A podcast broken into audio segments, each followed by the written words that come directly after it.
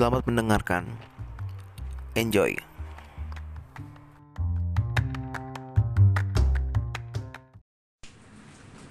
minggu ini sebenarnya banyak hal yang keren sih buat dibahas bro menurut gue nih ada salah satu hal nih yang menarik dan membuat gue agak bingung juga hal-hal kayak gini tuh masih ada di Indonesia maksud gue ini kemarin tuh kan ada tuh si siapa ada lah ya istilahnya seorang istilahnya dia pejabat juga lah.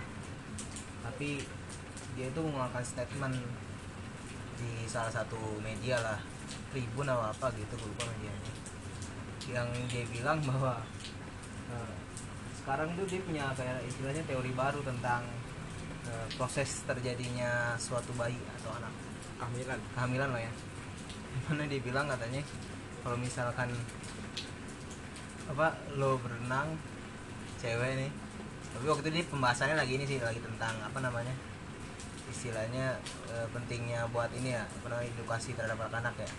Perlindungan terhadap anak-anak kayak gitu kan. anak-anak. Iya makanya anak-anak tuh harusnya diawasi mungkin bawa pikir dia sama orang tuanya kalau lagi berenang.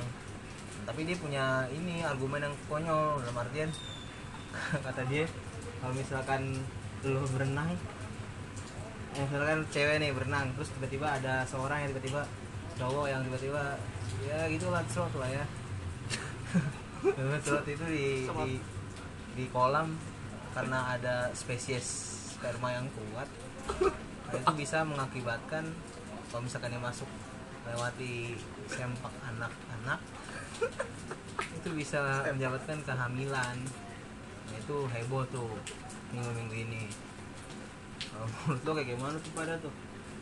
Aneh sih. kalau menurut gua nih. Eh, seorang pejabat ini udah pasti dia punya staf ahli ya kan? Sebelumnya ada pasti tuh dia punya bawahan. Dia juga udah baca literatur literatur ya mengenai kolam renang. Ya bagaimana cara dibuat sebelum dia mengedukasi loh ya kepada masyarakat kalau menurut gue ya itu statement konyol karena dia seolah-olah tuh apa ya dogmatis.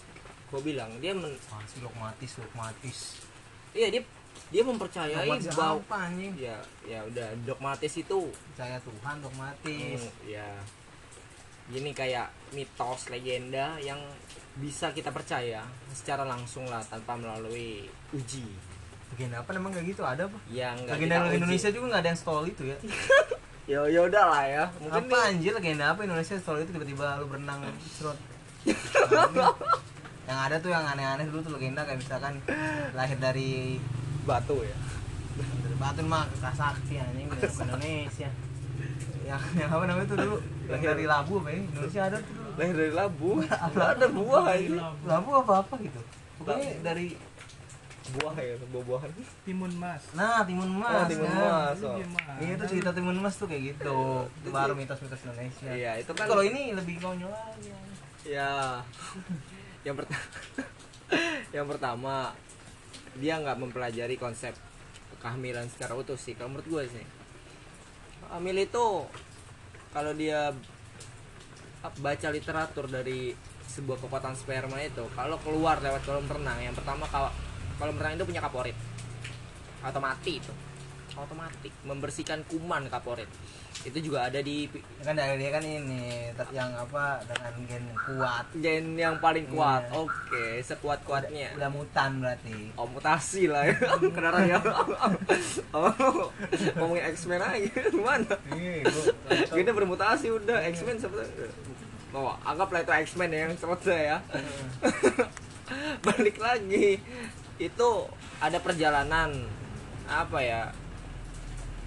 Ya perjalanan lah dari sperma itu masuk ke ah, yang pertama tuh medannya harus paling kuat tuh kolam itu sendiri kan. Ukuran sperma tuh berapa mikro sih? Bisa dibilang dan mereka bisa nyebrang sebegitu kuatnya gue nggak tahu lah ya. Terus menembus sempak anak yang pertama tembusan lapisan pertama juga selangkangannya harus bisa nyari sela-sela. Lo, lo, lo iya lo iya emang iya. Terus juga harus melewati ya rahim ya terus juga saluran P sampai ke ovariumnya. Itu style yang paling kuat ya gue nggak tahu deh tuh menurut gue tapi kalau misalkan style yang paling kuat. dia bisa berenang sejauh itu wah, ini menjauh juga tuh. Jauh juga. lu kalau lahir tuh beneran jadi pembalap kan iya jaraknya jauh tuh stamina kuat itu. Itu bayangin ini kecil banget nggak kelihatan Iya, ya mikro. mikroskopik. Dia bisa saya berenang satu meter aja tuh udah hebat anjir. Satu main satu senti dijago. Satu meternya berapa berapa ini dia? Berapa jam aja bisa? Berapa lama berapa waktunya. lama waktunya? Bisa masuk itu itu kan tolol aja ya kalau riset riset kayak gitu ya ben bingung dia bisa jadi pejabat anjing. Ini CPNS gimana nih orang ini? CPNS Apa jangan-jangan dia nyogok? Aduh, jogok Nah, nggak boleh gitu. lah jangan jangan Nah, menurut tuh gimana tuh pada tuh? Loh, menurut gue ya ini adalah apa ya sebuah kegagalan ya kalau gue bilang ya. Gagal dari ya kegagalan dari ini gimana sih dia bisa lolos jadi seorang pejabat yang nantinya bakal membuat undang-undang atau membuat perlindungan lah buat masyarakat tapi dia membuat statement yang sepatu lah ya. ya boleh boleh boleh sebat membuat gua jadi bingung sendiri ini sebenarnya statement yang nggak bermutu sama sekali sih kalau buat gua wah lu parah lo gak mutu Bukan nggak mutu sih sebenarnya. Nggak ini aja apa namanya? Nggak nggak ini apa namanya? Apa? ya? Jadi bingung deh lanjut ya. lupa gak mutu lupa kalau gue sih bilang nggak mutu ini di luar dari standar kompetensi jadi pejabat kalau menurut gua Nah, tuh. Hilang seleksinya dulu gimana itu? nah itu dia kan gue bilang kegagalan Apa seleksinya ada orang dalam? Nah, orang dalam iya makanya gue juga jadi sebenarnya gue berpikir tuh kayaknya emang dia tuh ada ininya tuh apa namanya ada Main. jokinya itu Bang. Ini waktu lagi lagi apa tes seleksi mungkin ada jokinya mungkin. Tapi ya jangan lah nggak bercanda ya bercanda jangan jangan percaya ntar polisiin gua. Canda ya bu maaf bu. Kok ibu? Oh perempuan. perempuan. oh Masa perempuan. oh itu perempuan, jadi perempuan. statementnya yang ini. Oh, perempuan. tapi yang gue pikir gini apa selama hidupnya dia nggak pernah berenang jangan jangan anak-anaknya anak-anak. Hasil dari kolam renang semua. Pertanyaan gue loh. Anak-anaknya hasil dari Ini kolam renang pernah berenang apa gimana gitu kan? Dia pasti punya anak tuh kan? Eh, iya dia Mungkin- pasti udah berkeluarga dan punya anak kan? Ya, kemungkinan ya kemungkinan besar lah ya. Hmm, kemungkinan besar dia punya anak dia berkeluarga. No jangan-jangan dari hasil nggak mungkin nih bener kata kata lo Ad. Mungkin dia apa dari kecil udah dididik begitu terus dia nggak pernah berenang makanya dia oh, apa punya pola pikir kayak gitu. Kan nggak nyoba nggak pernah nyoba langsung nggak Oh, pernah nyoba berenang jadi percaya percaya aja. Mungkin dia diajarin sama ini kali apa Teman. namanya? Sama orang tuanya bisa jadi. Oh, orang tuanya. Padahal cuman kayak orang Jawa dulu kan kalau ngajarin sesuatu kan cuman ngomong jangan kayak gini tak takut hamil. Itu kan cuman Komari. cuman ini doang apa namanya kayak simbol-simbol aja. Tapi sama dia tuh ditanamin sampai sekarang sampai bikin kayak gitu heboh kayak gini legenda gue tapi ini lebih konyol sih. Dipercaya. Dan dikeluarkan statement seolah-olah itu pernyataan sains gitu loh. Bener tuh. Anjir emang. Tapi yang bikin malu sih emang bisa nyampe luar negeri loh. Berarti Indonesia tuh memang sampai luar negeri kan. Indonesia udah terkenal banget sekarang jadinya. Bikin malu dah itu dah. Satu sisi kita terkenal tapi terkenalnya kayak gitu kan. Ya nggak apa-apa sih prestasi itu. Kapan lagi kan Indonesia disorot sama dunia gara-gara ini. Nah ini juga jadi iya sama yang Iya, ini gue juga habis baca-baca nih kayaknya nih. Tadi gua baca nih zaman sekarang ini podcast itu lagi mulai berkembang ya. Udah Iya. mulai booming sih setahu gua nah itu kita bikin podcast. Nah itu dia. Kita bikin podcast biar booming juga. Dan enggak. oh, enggak iya, enggak juga. Enggak juga kan? Biar ini aja biar tolol aja. Ya deh gue lagi pengen Iya ngomong gimana tuh ya. bro? Gimana tuh bro? Lanjutin bro. Maaf Ini di podcast ini gue lihat-lihat juga hal yang paling menarik itu yang paling diminati itu tentang horor dan kisah percintaan lah. Waduh horor percintaan. Iya karena yang pendengarnya juga anak muda anak-anak sekolah yang baru lulus ya kan? Di situ kenapa? Emang kenapa tuh bisa kayak gitu di situ? Iya.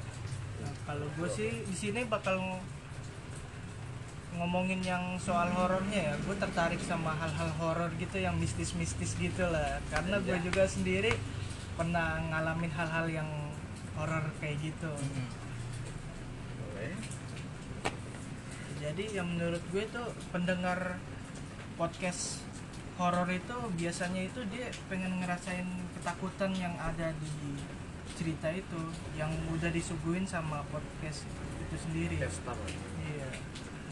Itu pengen ngerasain dan pengen nge- apa ya eh, gimana sih euforianya ya Oh, Lebih bukan bilang ya. euforia. Ya, kayak Euforianya yang- feel-nya, seria, Iya. apa apalah Feel-nya, feel. feelnya tuh yang diceritain itu yang mungkin lo semua belum tentu pernah ngalamin. hal-hal yang Hmm. mistis kayak gitu kan ya makanya banyak juga yang tertarik gitu dan pengen ngerasain gimana sih uh, ketakutan ngelihat yang horor-horor kayak begitu Tapi emang kalau menurut lo nih gue ini aja ya nanya aja ya. Eh, apa sih? Itunya sebenarnya faedahnya loh kalau misalkan dengan kayak gitu loh. Ya kan? Cuman rasa takut dong. Kenapa harus dicari sih takut aja? Hmm. harusnya kan dihindari kan? Hmm. Seben- sebenarnya sih ya itu pertanyaan bagus juga sih kalau menurut gue ya. Ya sebenarnya sih orang itu kadang tuh ya di sini kan ngerasa takut itu jantung lo bakal berdebar-debar Iya. Yang yang biasanya hari-hari biasanya kan lo nggak pernah ngerasain hitungannya seperti jantung kayak gitu kan. Nah di situlah orang nyari ngerasa gregetnya tuh di mana gitu.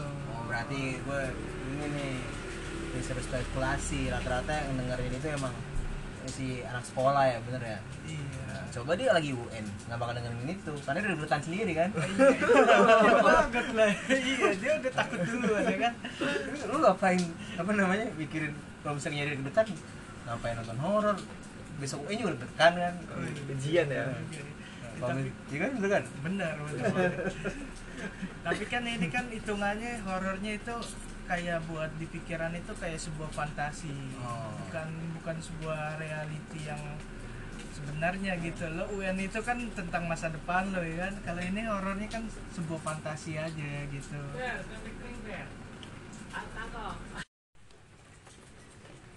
Ya udah nih. Giliran gua. Jadi kalau menurut gua di pandangan gua penikmat horor itu yang pertama kalau menurut gua ya untuk penikmat ya. Gua notabene penikmat horor itu banyak kelainan kayaknya. Hmm? ada kelainan. Masalahnya adrenalin yang dipacu dari jantung kan kayak pompa darah gitu kayak dia mau merasa takut itu dicari kemudian untuk ditakuti bukan dilawan. Umumnya manusia ya lo bilang tadi dihindari atau dilawan. Normalnya manusia. Nah berarti kalau yang menikmati hal itu bisa dibilang nggak normal. Ada kelainan. Untuk penikmat ya gue bilang. Yang menikmati horor. Ya, ya contohnya lo istilahnya lo esek-esek kan di di taman kan lo. Tuh deg-degan itu para pencari deg-degan. Walaupun mereka mampu sebenarnya tapi ada yang memilih seperti itu. Ada di jalan tol nah, tengah jalan tol esek-esek. Enak-enak. Di jalan tol ya itu. Menurut gua bukan karena nggak ada modal atau uang tapi karena mereka mencari sesuatu hal yang bikin mereka deg-degan tuh. Hmm. ada kelainan. Jadi ketakutan itu dinikmati bukan dita- dilawan atau dihindari. Untuk ya umumnya kan kita menghindari atau melawan ya kan? Menghindari ketakutan atau men- ya takut itu muncul karena ada bahaya lah. Itu udah insting naluri manusia tapi mereka malah menikmatinya. Menurut gue itu kelainan. Orang mencari horor di- kalau menurut gua nih pribadi gua kategorikan sebagai kelainan masokis masokis nah masokis uh, kalau masokis seperti masokis ya enggak juga lah Iya, ini kalau itu masokis kan- itu kan penikmat fisik. penderitaan Oh, iya, iya, iya. sisaan fisik itu Eh, penikmat penderitaan bukan horor ya. kan horor juga Atau- menderita atau ketakutan. Nggak aja. Iya, benar. Takut. takut ya ya kalau masokis mah fisik kekerasan fisik dinikmati tuh penderitaan dinikmati ya mungkin ntar harus ada studi lagi tuh tentang nikmat horor. Yoi. Mungkin kalau menurut gue sih kelainan karena lo mencari ketakutan. Ah, menikmati bukan mencari ya. Menikmati ketakutan. Bukan menghindari atau melawan. Umumnya ketakutan itu muncul karena bahaya. Ya ya, ya- ya cuman ya asik mungkin. Ya bagi para fansnya ya terutama fans berat horor atau mistis gitu.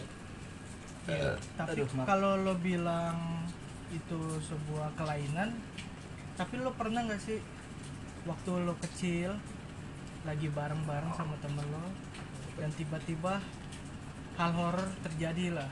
Mhm, misalkan lo Iya. lagi di sekolah ya kan? Horor. Ada acara sekolah sampai malam. Mhm. Kesurupan. Lalu lagi iya bukan surupan ya. Mungkin lebih ininya lebih jelasnya kayak penampakan gitu ya kan? Misalkan. Lalu lagi berlima nih misalkan sama temen-temen lu dan lu ngelihat penampakan itu misalkan ya nggak mungkin nggak lima limanya ya.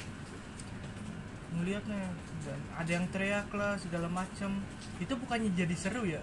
Seru. Bagi para penikmatnya yang Eh, seru.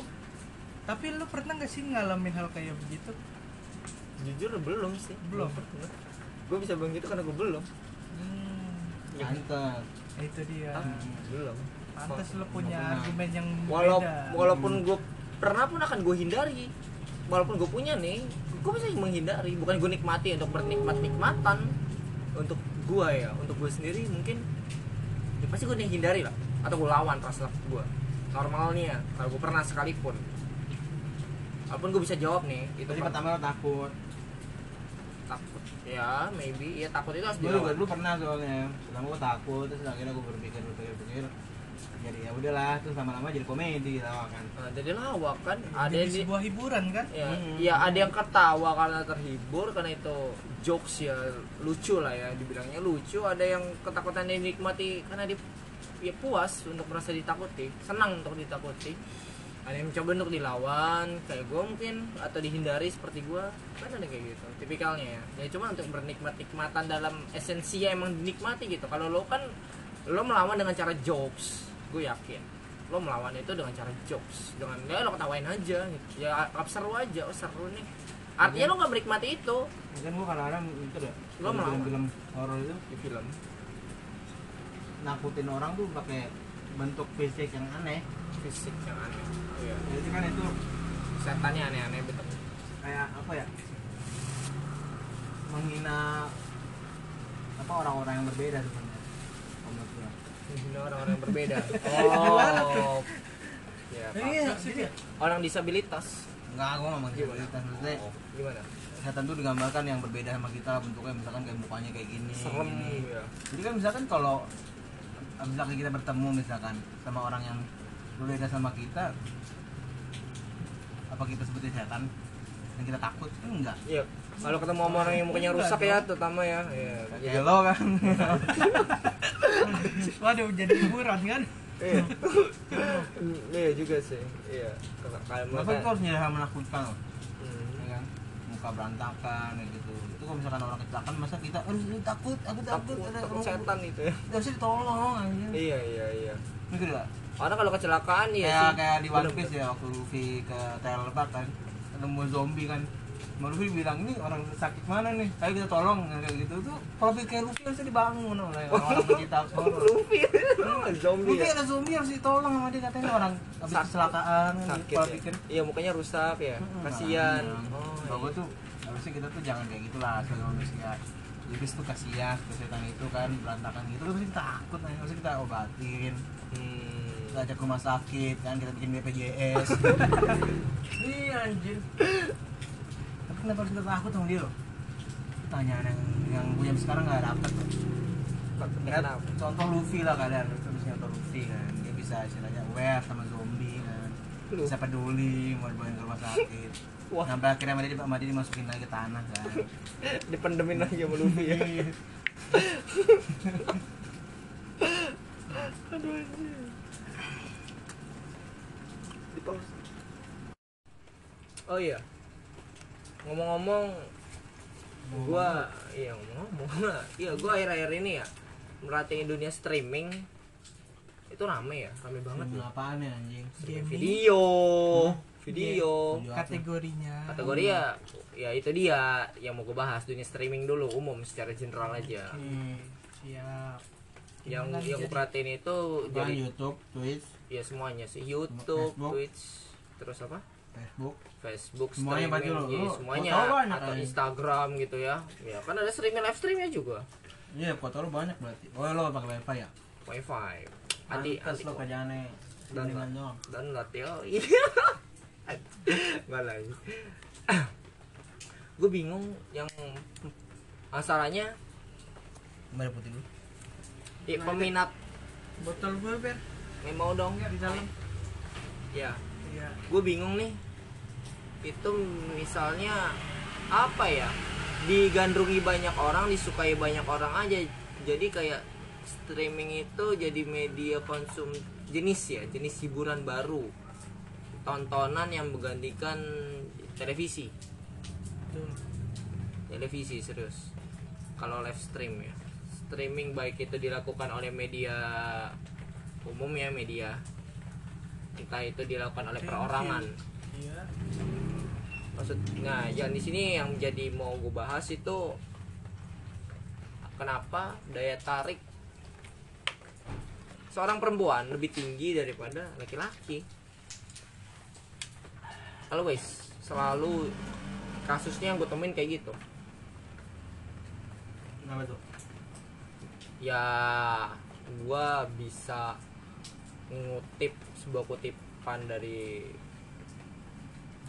dari barat ya bahwa masih banget tuh Mas banget tuh Indonesia. Kutip ya seorang investor ya manajemen ya investor itu kan no, lupa gue orangnya. Dia bilang sex is selling katanya. Perempuan itu dijadikan daya tarik seksual dan itu menjual. Dan gua sambungin aja ke hiburan jenis streaming kalau menurut mm, gua kayak laki-laki itu mau bagus apa pun itu laki-laki. Mau itu ganteng mau itu berbakat nyanyi tapi nggak bakal sebanyak perempuan. Perempuan yang cuma modal modal ya Hmm, bisa. kita Iya. nggak usah sebut mungkin kalian udah pada tahu. Modal apa? kesehatan. Kesehatan ya. Kesehatan. Kesehatan. Iya. Bisa dibilang kesehatan. seksi sekali omongan anda ya lanjutkan. Lanjutkan eh gua ag- Hmm. agak menyerang ya, ya tapi emang faktanya begitu. Laki-laki pun kalah pamornya berbakat apa pun semenarik apa pun. Daya Kenapa lo- tariknya. kenapa lo iri sama perempuan? Iri gue cuma penasaran gimana? Maksudnya kok ya penasaran bisa? karena lo juga nonton. Gue juga nonton. Iya gue juga tertarik dengan perempuan. Kenapa gitu loh? Sebabnya laki-laki. sebabnya apa? Maksud gue gini loh. Oke oke. video lo tinggi libido tinggi. Mm-mm. terus yang Iya. la- i- ya tapi apa semua orang yang mayoritas juga seperti itu? Karena umumnya ya emang lebih ramai perempuan sih. Dibanding laki-laki ya. Hmm. untuk jumlah tontonan penonton gitu itu lebih banyak laki-laki eh banyak lagi banyakan perempuan dibanding streamer seorang laki-laki. Kenapa ya gue masih penasaran aja sih. Kalau menurut lo? Ya adalah nggak tahu gue juga kayak gitu kenapa. Nggak tahu dong nggak tahu gue lo gimana? Kalau menurut gue ya Mhm. kenapa lu kenapa lu ya sebagai laki-laki tertarik gitu sama streamer streamer cewek yang menurut gue ya cewek itu punya memiliki punya ya punya bentuk tubuh yang menurut lo itu agak sensual gitu mungkin ya. Jadi ya walaupun nggak semua tertarik tapi lo mungkin punya ketertarikan dari kalau dari ilmiahnya ya dari ilmiah. Iya dari otak lo tuh merangsang ya kan. Setiap orang punya rangsangan yang berbeda ya. Setiap perempuan itu kalau dijejerin se 10 perempuan gua lu dan lu ya kan berdua Mhm. pasti kita punya pilihan yang berbeda ya kan ya belum tentu sih bisa sama ya bisa sama tapi pasti ada yang berbeda satu Iya. karena itu rangsangan yang berbeda ya, menurut gua Hmm, gitu ya, kalau gue sih gitu sebatas aja. itu kalau lo bilang bentuk tubuh laki-laki yang atletis juga nggak seramai itu streamingannya juga yang perempuan. Kalau bilang bentuk tubuh ya. Lagi-lagi atletis kan ya mungkin idaman siapa laki-laki dan perempuan lah ya. Mungkin. Bagi sebagian orang ya idaman lah bentuk tubuh atletis atau bagus ya. tapi ya balik lagi. Perempuan lebih rame. Semenarik apa pun itu lagi setaman seatletis atau sekaya apa pun dia. Balik lagi ke perempuan yang entahlah ya kenapa. Gue juga nggak tahu itu itu masih jadi pertanyaan. Ada kesimpulan? Nggak ada? Misteri Lu nanya mulu. Lu. ya lagi lo juga istilahnya nyari-nyari gitu buat apa aja? Penasaran. Penasaran bilang aja lu sama aja lu. Nyari-nyari kalau berbau kayak gitu kan nyatu buat apa bang? Hmm. iya sih. Tapi gue nggak Nggak. demen sih. nggak demen. Uh. Terlalu biasa maksudnya. Anjay biasa. Kalau slim slim gitu kan paling cuman dia cuman seksi doang kan. Tanggung. Ada juga yang berani kok sampai ke beret lagunya. Iya lo kerjaan lo kayak gitu. Ya gua. Iya kan makanya gua bilang kalau lo bilang paling karena gua udah mendalami kan gua mendalami. Mendalami hal yang nggak mendalami benar. hal nggak penting ya bos gua nggak penting banget tanya hidup gua. Gua udah nyadar hidup gua nggak nah penting ya makanya lo umumin di podcast ini. Hmm. seberapa nggak pentingnya gitu lo. Sih. obrolin. Hmm. biar Iya. orang tahu kalau dia ngerasa nggak berguna masih banyak orang yang lebih nggak berguna. lagi ya? Iya iya iya iya. artinya lo. Ya slow bro lu nggak sendiri. Yang hidupnya nggak berguna. Ya itulah kebebasan coy. Jadi orang bebas mau nonton apa kan sekarang. Eh tapi sekarang juga diblokir blokir ya? Blokir iya. Kan ada VPN ada VPN ada. VPN udah lah ya. Udah. Udah. Bingung ngantuk gua hanya ya kan? Terus makan tempe goreng Iya. ngantuk Hmm. Buat boker gitu kan aja belut boker. Jangan lupa lah ya kalian hati-hati kalau berenang sekarang. Ya jadi berenang? Pakai pengaman. Kalau bisa. Apalagi yang liberal tuh. Titiknya kan. Tito teh terlalu liberal kelamin lah kelaminnya liberal. Kelamin yang terlalu liberal. Kelaminnya terlalu liberal. Hati-hati lu ntar punya tanggungan banyak anjir. Berenang sasalan lu belum ada kerja kan berarti lu ntar punya tanggungan nanti tiba-tiba. Bingung. Oke sekian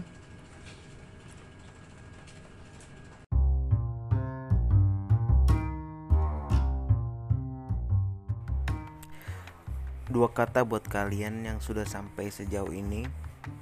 Salut dan bangga. Oke, sekian.